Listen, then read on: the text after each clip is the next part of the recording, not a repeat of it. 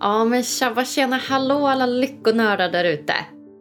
Här kommer en påminnelse både till dig och till mig själv. Du kan faktiskt välja att fokusera på de bra sakerna i livet. Du kan välja tacksamhet före oro. Du kan välja uppskattning före missundsamhet. Och du kan faktiskt välja positivitet före negativitet. Men det här betyder inte att du inte får vara ledsen när du känner dig ledsen eller arg när du känner dig arg. Nej, det är också superviktigt att ha den förmågan att kunna uttrycka sina känslor. Men kom ihåg, försök också att träna din hjärna till mer positivitet i livet. Det tjänar både du och jag på. Skriv ner tre saker som du är tacksam över. Välj tre saker som du ska fokusera på i livet som får dig att må bra. Ja, det är val som du kan göra. Och hörni, jag heter som vanligt Agnes Sjöström och eh, tycker det är så klokt av dig att du är med mig och lyssnar. För eh, finns det något viktigare än lycka och välmående i livet?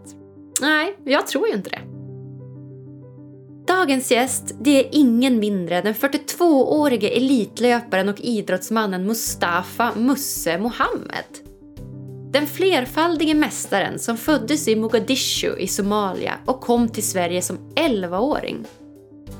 Idag är Musse bosatt i Göteborg tillsammans med sin familj och gjorde sitt livs maratonlopp år 2020 i Sevilla där han satte nytt svenskt rekord.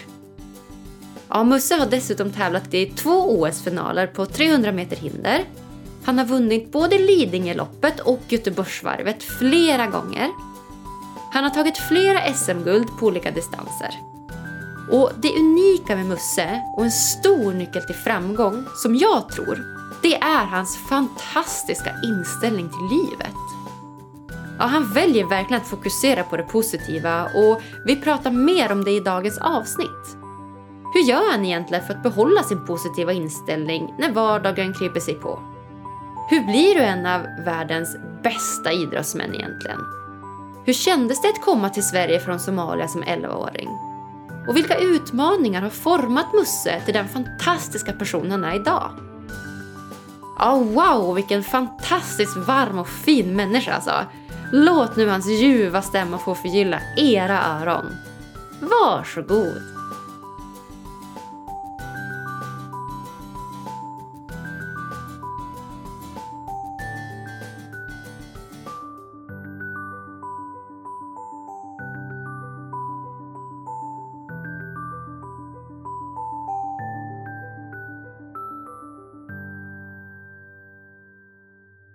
Hjärtligt, hjärtligt varmt välkommen till Lyckopodden Mustafa Mohamed. Tack så jättemycket. Tack ska du ha Agnes.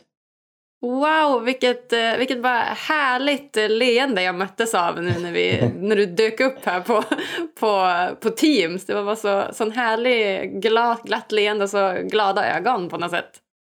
Ja, men det, så är det för mesta för mig. Det är, jag, jag har så mycket att vara glad över. Ja, det är så. Gud, vilken, vilken härlig inställning. Ja, det, det, jag tror faktiskt att det handlar mycket om inställning för eh, jag tror att det finns eh, negativa saker om man vill leta och grotta sig in i det också. Men eh, jag föredrar att eh, lyfta upp de alla bra sakerna som faktiskt finns. Mm. Ja, fint! Vad härligt eh, Mustafa. Jag tänker att vi ska grotta ner oss lite i positivitet eh, senare också. Men först så tänkte vi skulle prata lite om ditt smeknamn Musse. ja. Jag tycker det är så mysigt. Musse, vad, vill du berätta? Vart kommer det ifrån? Ja, jag har hängt med mig så länge så jag nästan knappt kommer ihåg hur det hela började men det var kompisar som började säga, förmodligen någon form av förkortning eh, för Mustafa. Och sen hängde det med bara. Är det liksom, kallar alla dig för Musse idag eller är det många som säger Mustafa? De allra flesta säger Musse. Ja, det, det finns någon, någon värme tycker jag i det, i det också. Musse, det är så, så fint och, och mysigt. kort och fint. Ja, men kort och fint. Mm. Men det är inte kopplat något till Musse Pigg då? Nej. Nej, det är det inte. inte så här stora öron eller någonting sånt? Nej. Inget sånt, nej. nej. Nej, nej men tack snälla eh, Musse för att du ville komma och gästa min podd här, Lyckopodden. Redan nu så känns det som en perfekt eh, gäst för, för ämnet. Och jag har ju lyssnat på ditt eh, sommarprat och blev ju så himla inspirerad. Ja, vad kul att höra och tack för att du ville ha med mig. Ja, men tack själv. Ja, men som jag förstår har du haft ett eh, minst sagt händelserikt liv. Så jag tänker att vi, vi börjar från början här. Du, du kom till Sverige från Somalia som 11-åring förstår jag. Japp. Vill du berätta lite mer om det? Hur, hur var det? Oj, ja, det var en minst sagt stor omställning.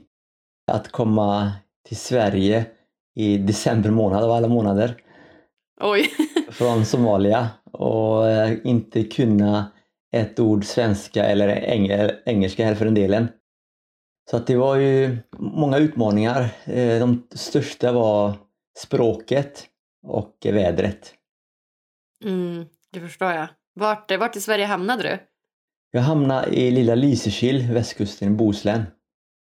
Just det. Ja, och då var det väl sådär regnigt och blåsigt och ingen snö och riktigt så höstväder kan jag tänka mig, eller? Det var faktiskt snö, eh, inte jättemycket då men ja. eh, framförallt kommer jag ihåg att det var snö när vi landade på Landvetter flygplats. Då var det massor okay. av snö. Det var första gången i mitt liv jag såg snö. Och det var härligt att bara få känna på den här kalla, blöta, konstiga snön. som min mamma hade försökt beskriva innan men som hon hade misslyckats totalt med. Okej, okay. hur hade hon beskrivit det då? Ja, men hon, vi, vi har inte ordet eh, snö i somaliska. Vi har eh, baraf, det är is, det är närmsta man kommer. Och då försöker jag säga att det är mjukt is, det, liksom, det gick inte in. Det, is kan bara till, bli till vatten tänkte jag. Så det var svårt att förstå att det skulle, skulle komma is från, mjuk is från himlen. Ja. ja, det låter minst sagt konstigt. Shit. Jag vet att eh, samerna de har ju eh, 300 ord för snö. Oj! ja. Så det, det kan vara olika från olika språk. Man förstår att det ibland kan bli liksom krockar och svårt att förstå varandra när liksom orden betyder lite olika. Så. Mm. Nej men det är ju häftigt för att det, det är skillnad på snö och snö också. Så att det är kul att de har olika beskrivningar. Visst, det finns ju klibbsnö och det finns ju ja, mer vad ska man säga, regnig snö och ja. det finns ju is och det finns ju, ja. Så att mm. det finns, men, men 300 ord är faktiskt det mycket. Ja. ja, vad spännande. Men shit, så du kom som 11-åring alltså från Somalia till Sverige. Kom du med din familj eller kom du själv? Eh, jag kom med min mamma och min storebror och eh, vi togs emot av min eh, styvfar, min mammas nya man som hon hade träffat i Somalia. Så så sätt var det ju väldigt bra att eh, inte liksom komma ensamma utan han hade ju liksom redan en lägenhet, han hade ett jobb så det var förspänt på så sätt. Hur kom det sig att ni kom till Sverige? Det var egentligen på grund av min mammas kärlek till den här mannen, Ramon hette han då. Och eh, han jobbade i Somalia med att bygga båtar. Och så träffas de där och blir kära och gifter sig. Så att det är kärleken kan man säga. Mammas kärlek som tog oss hit. Vad fint, vad fint. Vad, vad tycker du om, och vad tycker du är största skillnaden på liksom, det du kommer ihåg från Somalia och, och Sverige? Oh, det, det är många saker. Eh, ja, men jag kommer fortfarande ihåg dofterna, alltså det luktar mycket mer allting där. Både positivt och negativt. Det blandas alla möjliga dofter. Eh, det kan jag sakna ibland här. Att det, och sen eh, vädret såklart. Det är mer, eh, upplever jag här, eh, ensamt. Där var det så himla, jag var alltid omgiven av folk och det var över generationerna. Det var mormor och morfar, det var liksom alla, vi bodde tillsammans.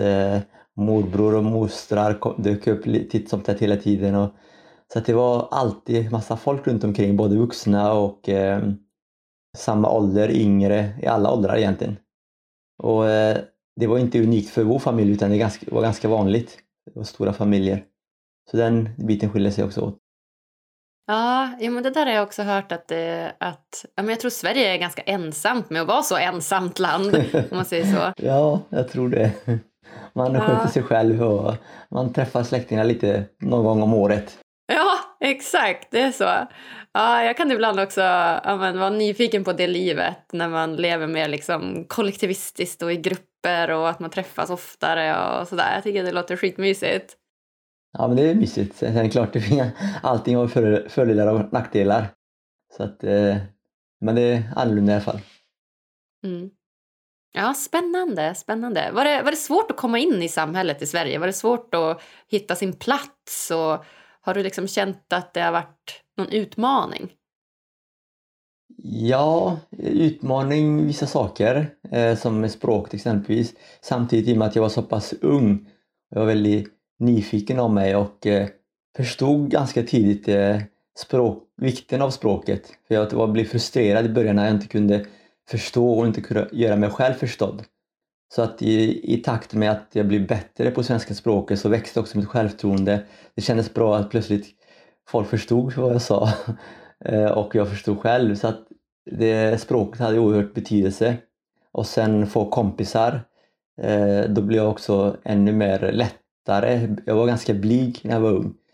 Och, eh, men när vi fick kompisar då vågade jag ta för, ta, ta för mig mer och vågade prata mer. Och, så det var också en viktig del. Och då, idrotten har haft betydelse i, i den, den delen, komma in i samhället.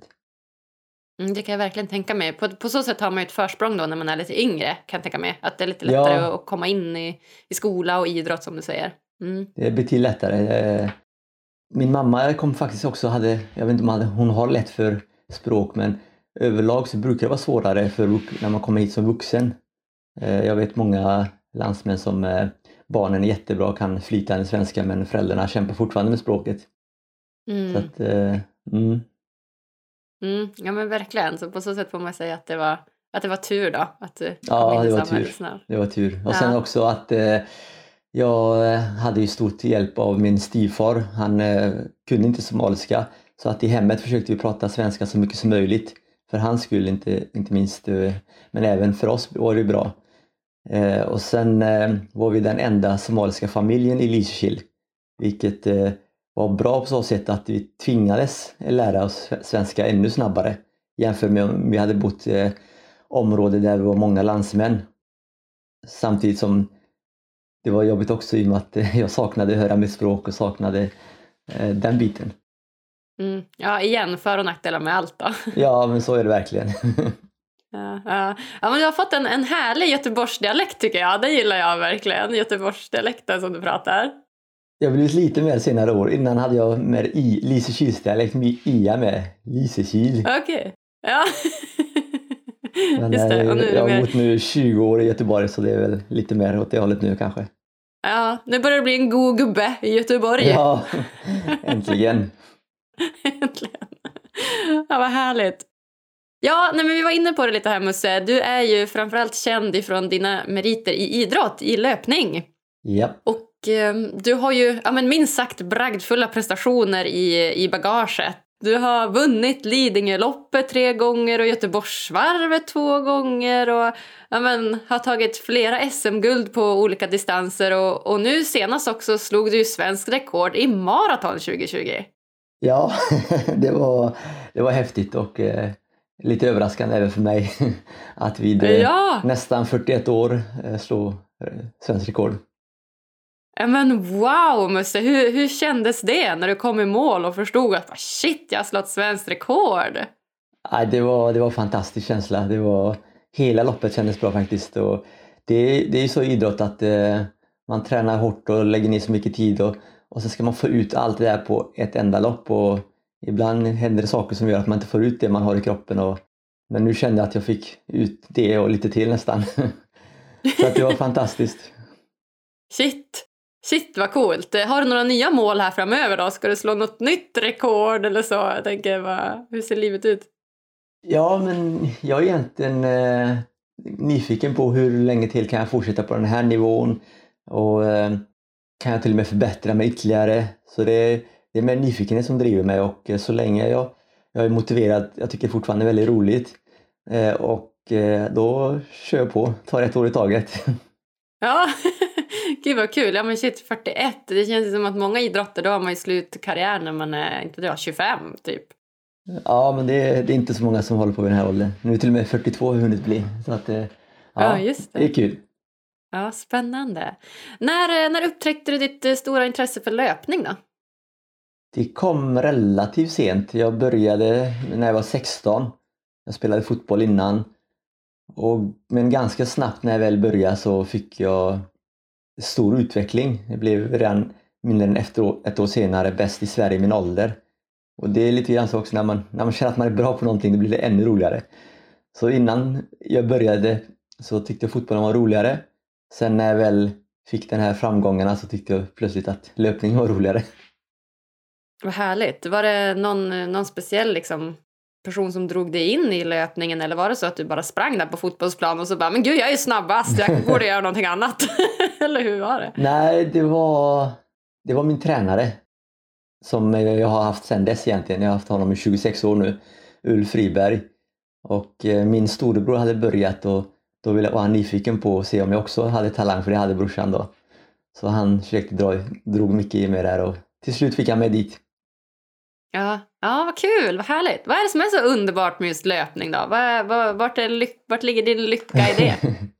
ja, det är inte alla som tycker att det är underbart med löpning men eh, jag tycker det förstås. Och, eh, ja, men det som jag tycker är löpning är en så enkel och eh, träningseffektiv form. Och, eh, man kan göra det var som helst. Man kan göra det ute i skogen, i, i, i stan. Man kan göra det på semestern, inne, ute. Och det krävs inte så mycket redskap, så mycket utrustning. Och eh, i princip alla kan göra det, i alla fall majoriteten. Så att det, den här enkelheten gillar jag. Och sen är det ju so saker som händer med kroppen när man är ute och springer. Det är endorfiner, det är liksom massa må bra-ämnen som utsöndras. Så att eh, ja, men det, det är härligt på många sätt tycker jag. Mm, ja, men jag håller helt med dig. Jag gillar också att löpa. Jag tycker att det är skitkul. Och just den här äh, känslan av att det är nästan lite meditativt. Det är som att man bara ja, är, är ute och, ja, man bara ute och, och, springer. Och speciellt om man gör det typ i naturen. Då bara, ja, men, dels att man kan liksom lyssna på någonting men också att bara springa och liksom titta på ja, men den vackra naturen och träden och, och havet och bara liksom koppla bort livet för en stund. Ja, och den delen gillar jag också faktiskt. Eh, just att bara komma ut i naturen och när jag tränar så ungefär en timme åt gången. Och då ser jag också att det är egen tid, en hel timme för mig själv och rensa tankarna liksom och komma ner i varv. Det är, ja, det är inte alltid man får den här pausen i livet eh, så som man kan, behöver. Och jag får det varje dag. Ja, ja men exakt. Ja, tränar du varje dag? Ja, det gör jag. Ibland två gånger om dagen. Ja, men jag läste till med till någonstans att du tränar tio pass i veckan ungefär. Ja, tio löppass. Sen utöver det blir lite annat som styrketräning och så också utöver det. Oj, shit. Ja, det är ju, ja då är det ju minst. Jag menar, två, tio pass, bara det är ju mer än ett pass per dag. Det är ju nästan, nästan två pass. Mm. Ja. Shit, jaha. Så hur, hur ser en, dag, en mussedag ut då? Liksom? Jag går upp vid eh, klockan sju ungefär.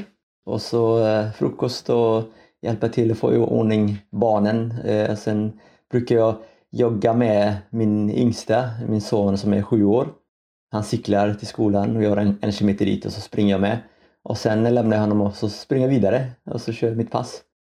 Och sen eh, kommer jag hem, duschar, kanske äter en andra frukost och sen eh, jobbar lite och sen hämtar honom vid eh, två, tre tiden och så ibland har jag ett andra pass eller så ska jag ta dem på aktivitet eller lite vardagsbestyr. Just det, just det. Men då hinner du ändå med ett andra pass där på eftermiddagen någon gång eller?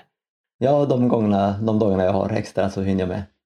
Och ibland gör det i samband med när jag ska ta min dotter till eh, hennes träning. Hon, hon kör orientering och friidrott så kan jag passa på att springa själv medan hon håller på.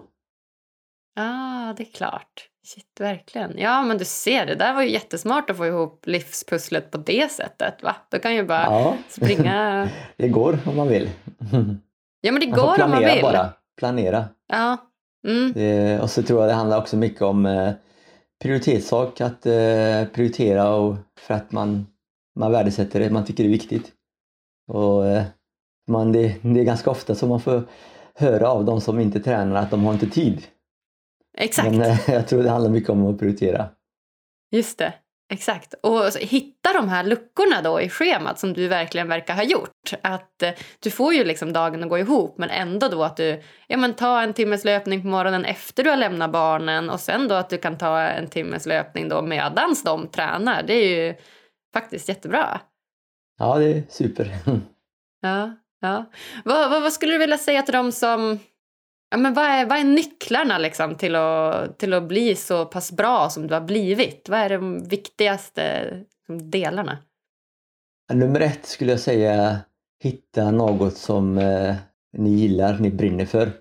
Ja, det är mycket lättare att lägga ner den, det som krävs om man har roligt och då tänker man inte ens på att det är mycket jobb man lägger ner. Jag tycker att eh, det är snarare en hobby som har blivit till ett slags yrke som jag lyckas livnära mig på. Men det var inte alls tänkt från början och jag gjorde bara för att det var roligt. Så att eh, hitta någonting man gillar och sen förstå att saker och ting tar tid att bli bra på något oavsett vad det är. Så att man måste ha tålamod.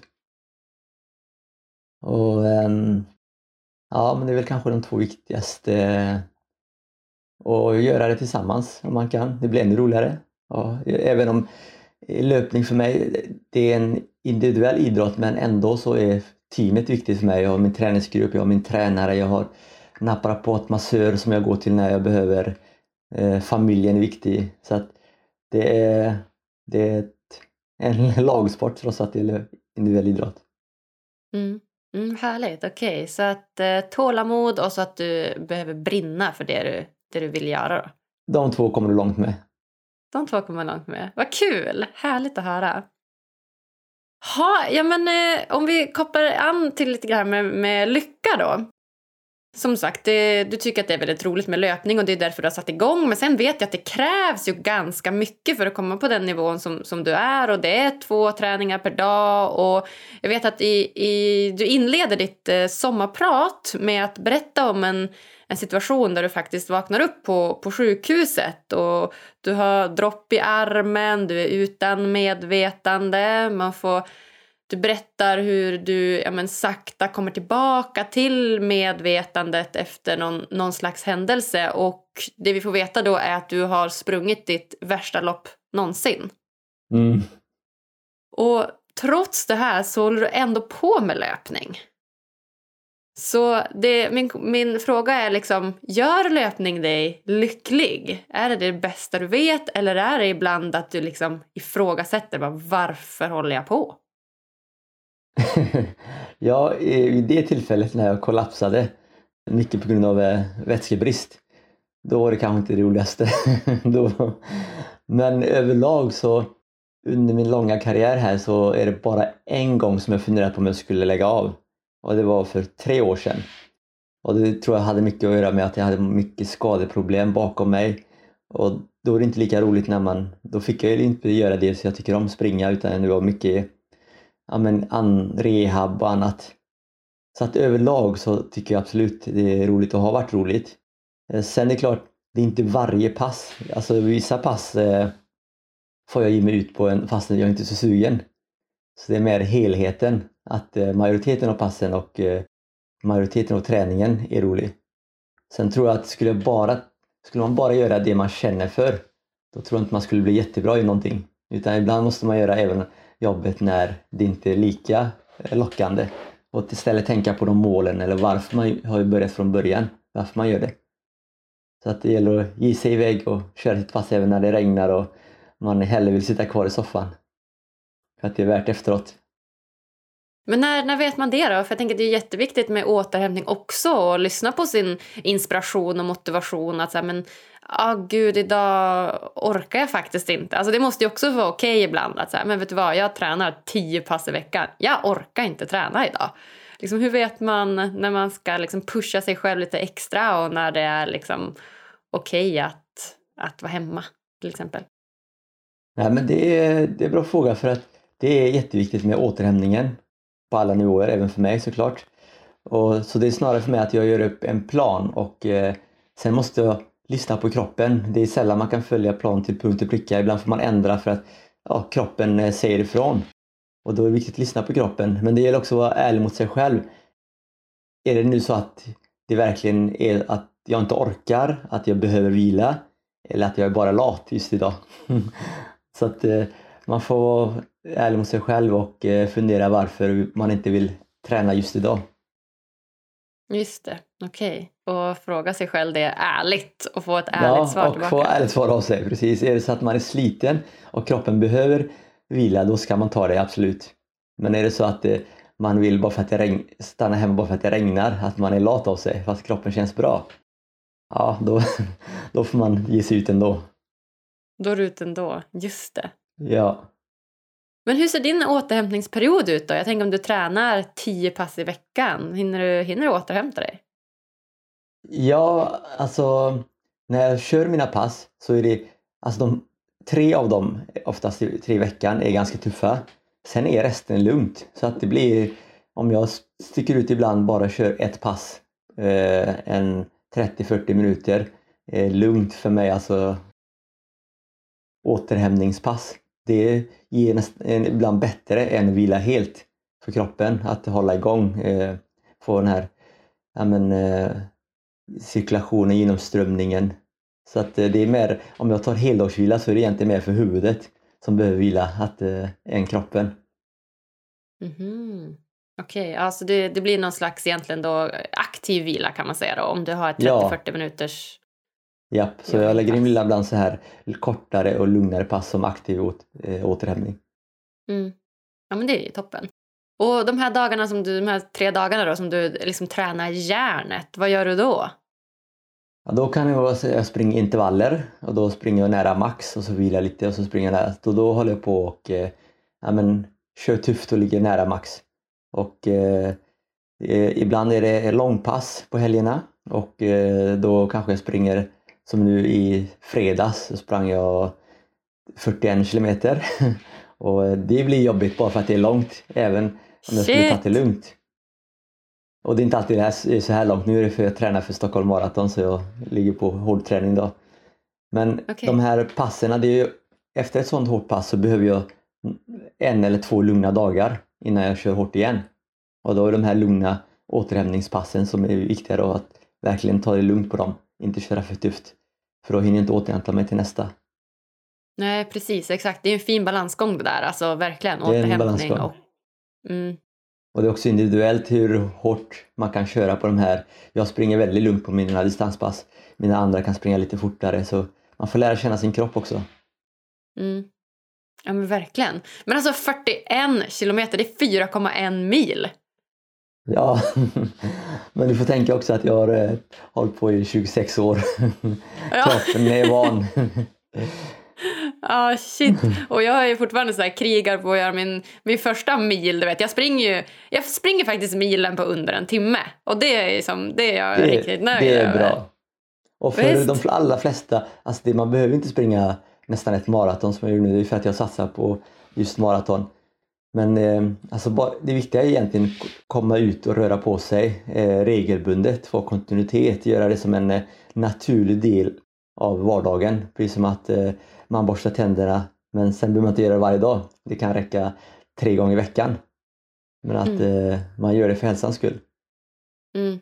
Ja men verkligen, verkligen. Jag spelade in ett avsnitt här innan dig tillsammans med en läkarstudent som heter Jesper Asa och eh, han har grundat en, en app egentligen som, eh, ah. som eh, alla lyssnare kommer få veta mer om längre fram. Men, men eh, vi pratar just om liksom vikten av fysisk aktivitet för välmåendet. Och försökte liksom, I slutändan försökte vi komma på liksom en dålig sak med fysisk aktivitet men vi kom inte på en enda. Alltså det, det, det, ja, det, det finns om man ju... kollar på studier och så också så det visar hur mycket som helst forskning visar på att det är väldigt viktigt och bra med fysisk aktivitet.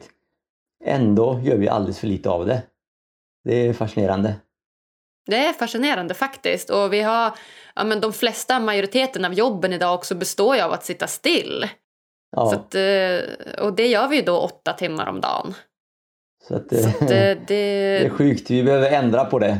Mm, verkligen, verkligen. Och jag menar även då om vi säger då, men oftast i regel tränar väl typ som du säger en timme liksom per dag är väl någon, någon slags standard och då blir det kanske inte ens varje dag utan säg, ja jag vet inte, vet du vad en genomsnittlig majoritetssvensk tränar, hur mycket den tränar per, per vecka? Alltså jag vet eh, barn och ungdomar så är rekommendationen en timme om dagen. Men det är, eh, det är inte ens eh, tre av tio som kommer upp i den. I vissa åldrar är det bara en av tio som kommer upp i den. Så att eh, det är inte mycket och då räknar man totala tiden till sammanlagt på en dag.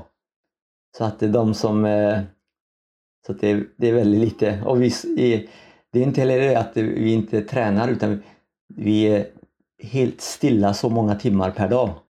Exakt, exakt. Det är det, och det är det som är eh, det farliga då eftersom att, som du säger, vi sitter still åtta timmar om dagen och sen kanske vi tränar en timme om dagen. Så att redan och sen ska vi sova vi... åtta timmar om dagen också, utöver mest sitta stilla åtta timmar.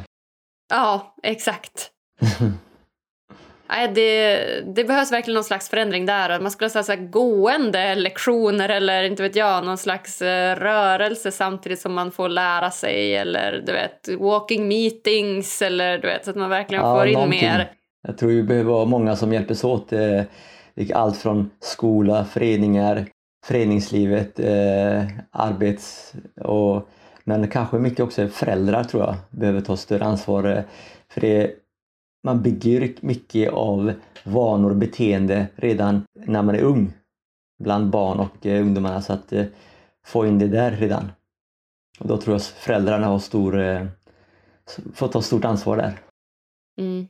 Ja men verkligen, verkligen. Och jag, det tyckte jag var så himla härligt när man, när man studerade och pluggade för då kunde man liksom välja så himla mycket av sin tid själv, hur du la upp den alltså på universitetet. Mm. Så att, eh, då hade jag ju en så superbra flow och du vet, jag är en morgonmänniska så jag går gärna upp tidigt och så var det perfekt med att dricka en kopp kaffe och sen träna en timme och sen komma hem och då hade man ju hur mycket endorfiner som helst, du hade liksom fått rensa hjärnan och inlärningsförmågan förbättras ju, koncentrationsförmågan mm. förbättras ju så då kunde jag du vet, lära mig allting på mycket, mycket kortare tid än vad jag hade behövt om jag inte hade tränat. Liksom. Ja, men träning på morgonen det ger en grym start på dagen. Jag tror att det mm påverkar så att resten av dagen eh, blir bra. Mm. Ja men helt klart, helt klart. När man eh, lyssnar på ditt sommarprat så märker man också att eh, du har en extremt positiv syn på livet. Som jag sa lite här i början, det, det lyser om dig. Alltså det, det lyser om dig. Så kan du inte berätta lite mer om det? Varför, varför tror du det är viktigt att, att ha en positiv syn på livet?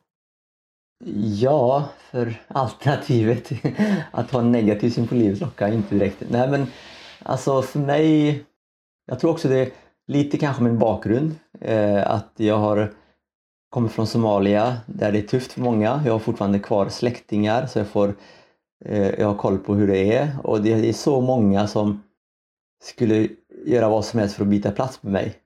Så någonstans känner jag också att gå här omkring och gnälla, det när det är så många som skulle vilja få de här chanserna som jag har att eh, bo i ett av världens bästa land, ha alla de här möjligheterna som jag har. Så det påverkar tror jag. Och sen jag reser mycket i min idrott. Jag är varje år iväg på träningsläger. Det har varit mycket i Sydafrika, Kenya, senaste fyra åren har jag varit i Etiopien. Och där får jag träffa ganska mycket ofta men, eh, människor som är fattiga, som har det tufft som eh, exempelvis i Kenya så hade jag träffat en familj där eh, mamman, hennes dröm var att få alla barn, hon hade fyra barn, att få dem att gå i skolan. Eh, hon hade just nu råd med bara en för det kostar att gå i skola där. Och när man får liksom ta del av de här livsberättelserna på så nära håll och då fattar jag hur jäkla bra jag har det. Som eh, men bor i Sverige, livnär mig på min hobby, min idrott. Eh, bara det är få förunnat. Jag har en underbar familj, bor i ett hus, bara det också.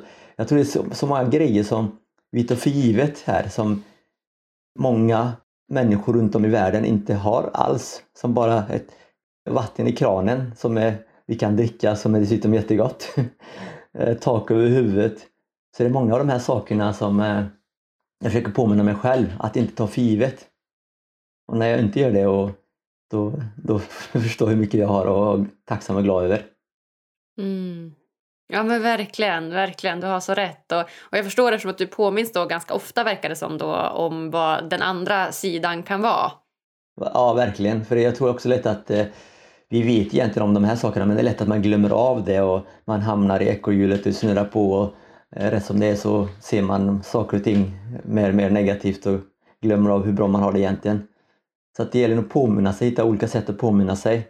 Kanske vi har i familjen här ibland när vi sitter i matbordet och ja, men att vi ska säga två saker som varit bra med dagen och en mindre bra. Att bara det också, att eh, det händer ju bra saker hela tiden, att lyfta fram dem. Mm.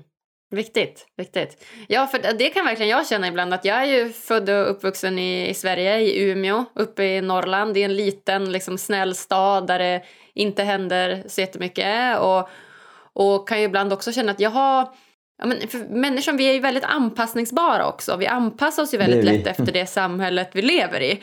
Så det, det krävs ju lite, lite jobb att hela tiden då försöka tänka på att ja, men tänka på att det, det, baksidan hade, varit, hade inte varit bättre. Till exempel jag ja, men som har en lägenhet idag kan jag ofta tänka så här, oh, men jag vill ha en annan lägenhet, en större lägenhet eller en finare lägenhet. Du vet, sådär. Och det är lättare att hamna där i de tankarna mm. för att liksom tänka på nästa steg än att då gå tillbaka och bara, ah, fast tänk om jag inte hade en lägenhet. Du vet, det blir liksom en längre väg dit om du förstår vad jag tänker.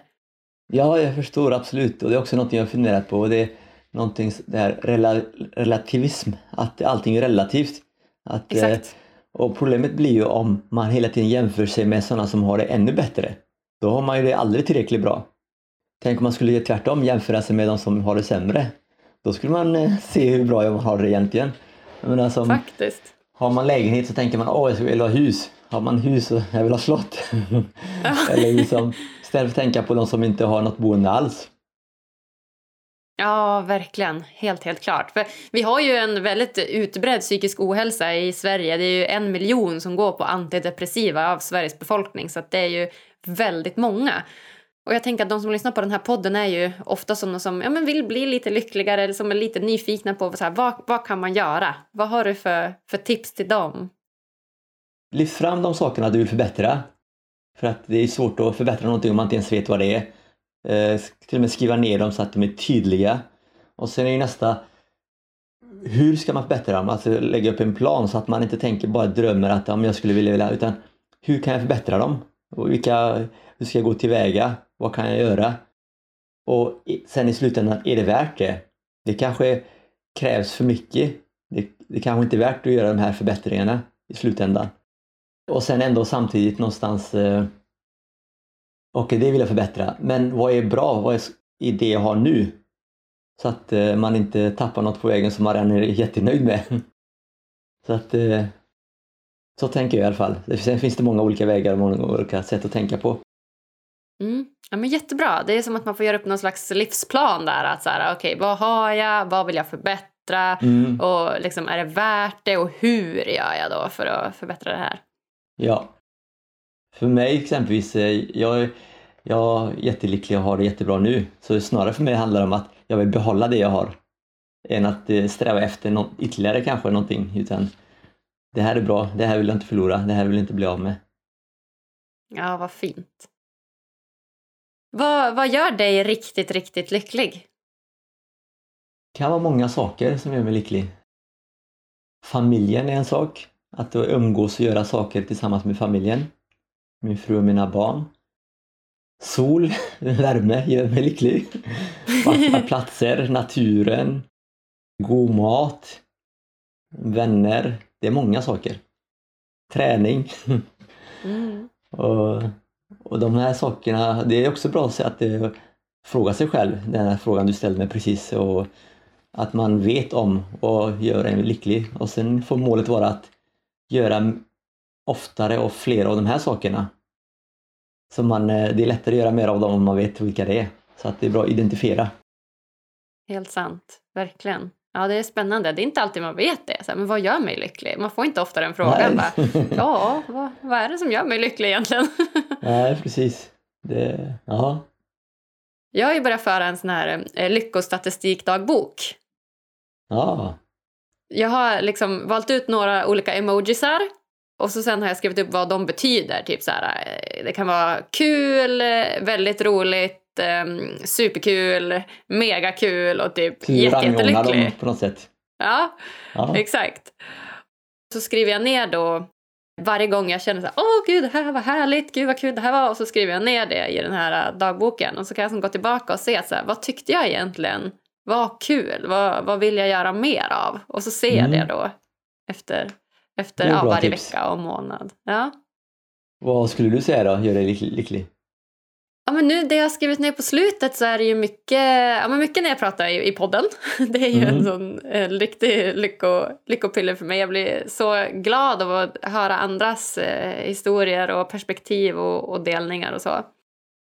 Eh, nu på slutet har jag också eh, haft mycket affärsmöten och sån här eh, affärssamtal och affärsluncher som är mycket kopplat till ja, men jobb egentligen. Och, och det, det har jag blivit jätte, liksom, på när man du vet, får, får till ett bra samarbete med någon. Eller när man kan ge och få. Att man liksom har det utbytet att vi hittar en, en bra deal som, som passar alla för blir oss. nöjda. Liksom. Mm. Ja, exakt. När båda går därifrån och bara ja, det här var så himla bra. Så det blir jag lycklig av och ehm, jag blir lycklig när jag får följa min inspiration. När jag får liksom, ja, vad ska man säga, jobba när det, när det passar och vara ledig när det passar. När jag kan bygga Mm. upp mitt liv efter, efter eh, ja, men min inspiration egentligen och det, det jag vill. Den flexibiliteten den gör mig väldigt lycklig att kunna ha den. Och mm, sen såklart mycket mystid med min pojkvän. Då blir jag också jättelycklig. Ja, det låter väl härligt. Mm. Ja, det är härligt. Och vi har ju världens bästa ställe här i Umeå som heter Iksu spa. Mm. Och eh, jag vet inte, har du hört om Iksu någon gång? Nej? Nej. Det är ju en stor idrottsanläggning här i, i Umeå. De har ett eh, innebandylag typ, så de är lite större på innebandysidan tror jag och spelar ganska höga eh, divisioner då. Men, men Iksu då, de har ju dels Iksu som är en stor sportanläggning där man tränar och sen har de gjort en, en komplettering som heter Iksu spa. Och det här är ju då drömmen. För att de har ju då både träning, alla typer av träningsaktiviteter Mm. som du kan tänka dig och spa. Så att då efter jag tränat då varje gång då går jag och lägger mig på spat. Så att en timme träning blir liksom alltid kopplat med typ tre timmar spa. Så det blir så himla positivt laddat att kunna åka dit och bara, du vet, mm, njuta. Det låter grymt. ja, det är härligt. Ha, vilket är ditt bästa lyckotips? Jag tror olika människor har olika saker som vi pratar om som gör dem lyckliga. Så identifiera vad som gör dig lycklig och eh, hur du kan göra mer av de sakerna. För att det kan se olika ut vad som gör en lycklig. Mm. Ja, men jättebra. Att reflektera lite och identifiera. Så här, vad, vad gör Reflektera, dig ja. lycklig? Precis. Mm. Ja, men helt sant. Helt sant. Och det är ju mycket... Det är ju bara mycket mer värt att vara glad än att... Ja. Och se liksom saker positivt än att inte göra det. Och det smittar av sig. Ja, det gör det. Och det här kan man ju träna på. Man kan ju träna på att vara tacksam och man kan ju träna på att eh, rikta sin uppmärksamhet mot det som eh, har gått bra idag och så. Så att... Eh, Det kan man verkligen. Jag tror inte att man är bara född. Visst, visst är kanske grunden är mer positiva men jag tror verkligen man kan förbättra sig och träna i det. Ändra sin inställning om det är den man behöver ändra. Mm. Ja, men helt klart. Helt klart. Så härligt. Ha, vart eh, ser du dig själv om fem år? Oj! Nya världsrekord. Då, ja, men alltså, jag, jag, då tror jag inte att jag fortfarande är elitlöpare. Å andra sidan, hade, hade jag fått frågan för fem år sedan så hade jag inte trott idag heller att det skulle vara det. så man vet aldrig. Men det är inte det viktigaste utan jag kommer ju, förhoppningsvis så gör jag mycket av det som jag tycker om. Vara med familjen, resa, jobba och träna. Ja, vad fint. Vad härligt. Tänk hur gamla är dina barn då, då om fem år? Då är de... Om fem år då är de 15 och 12. Oj, då är det tonåringar. då är de det, precis. hur känns det då? Det kommer bli bra. Ja, det är klart det kommer. Det kan inte bli annat än bra, Musse. Fint, Musse. Jag säger tack, tack, tack snälla, snälla du för att du kom och gästa mig här på Lyckopodden. Tack så mycket. Tack, tack. Åh, vad jag önskar att jag kunde visa er Musses fantastiska stora vita leende över skärmen. Han sprider sån enorm glädje tillsammans med både ett lugn och en värme och en kärlek. Så himla härligt. Ja, tänk att ha vunnit både Lidingöloppet och Göteborgsvarvet flera gånger. Ja, jag tror inte att det är en slump att det är just Musse tillsammans med hans härliga inställning som gjort det. Tänk vad lite positivitet kan bidra med till livet. Uppskattar ni också det här avsnittet? Ja, då hade jag blivit mega superduper glad om ni ville gå in på iTunes eller Podcaster och ge oss så många stjärnor som du tycker det avsnittet förtjänar. Lämna jättegärna en liten kommentar om ni vill det och om ni inte får nog med lyckotips och inspiration så tycker jag också att ni ska följa Lyckopodden på Instagram och håll utkik efter mer matnyttig information. Ja, vi hörs på tisdag igen.